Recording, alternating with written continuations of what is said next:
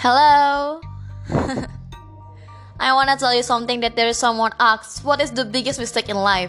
And then the Buddha's reply, The biggest mistake is we think that we have time. Well, let me get it straight. Time is free but it's priceless. You cannot own it but you can use it. You cannot keep it but you can spend it. And once you lose it, you will never get it back because time is more valuable than money. You can get more money but you can never get more time. I'm wondering, have you ever heard Steve Jobs say that your time is so limited? So don't waste your time living on someone else.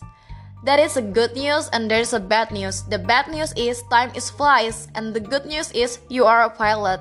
I mean that you can control your time, right? Because you can always make more money, but you cannot always make more time. To realize the value of one year, just asking a student who just failed a grade.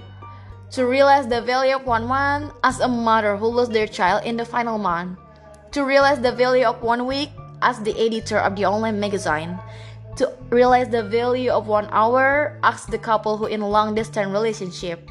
To realize the value of one minute, ask the person who just missed a bus, train, or even plane. To realize the value of one second, ask the person who just missed an accident. To realize the value of one millisecond, ask the person who just comes seconds on the Olympic. So maybe some of us lose the people most important because we don't value their time and we don't recognize how important someone to us until they're gone.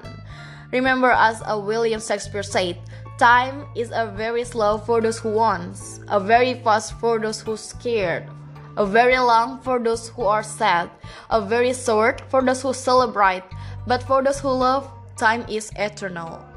And thank you for listening this.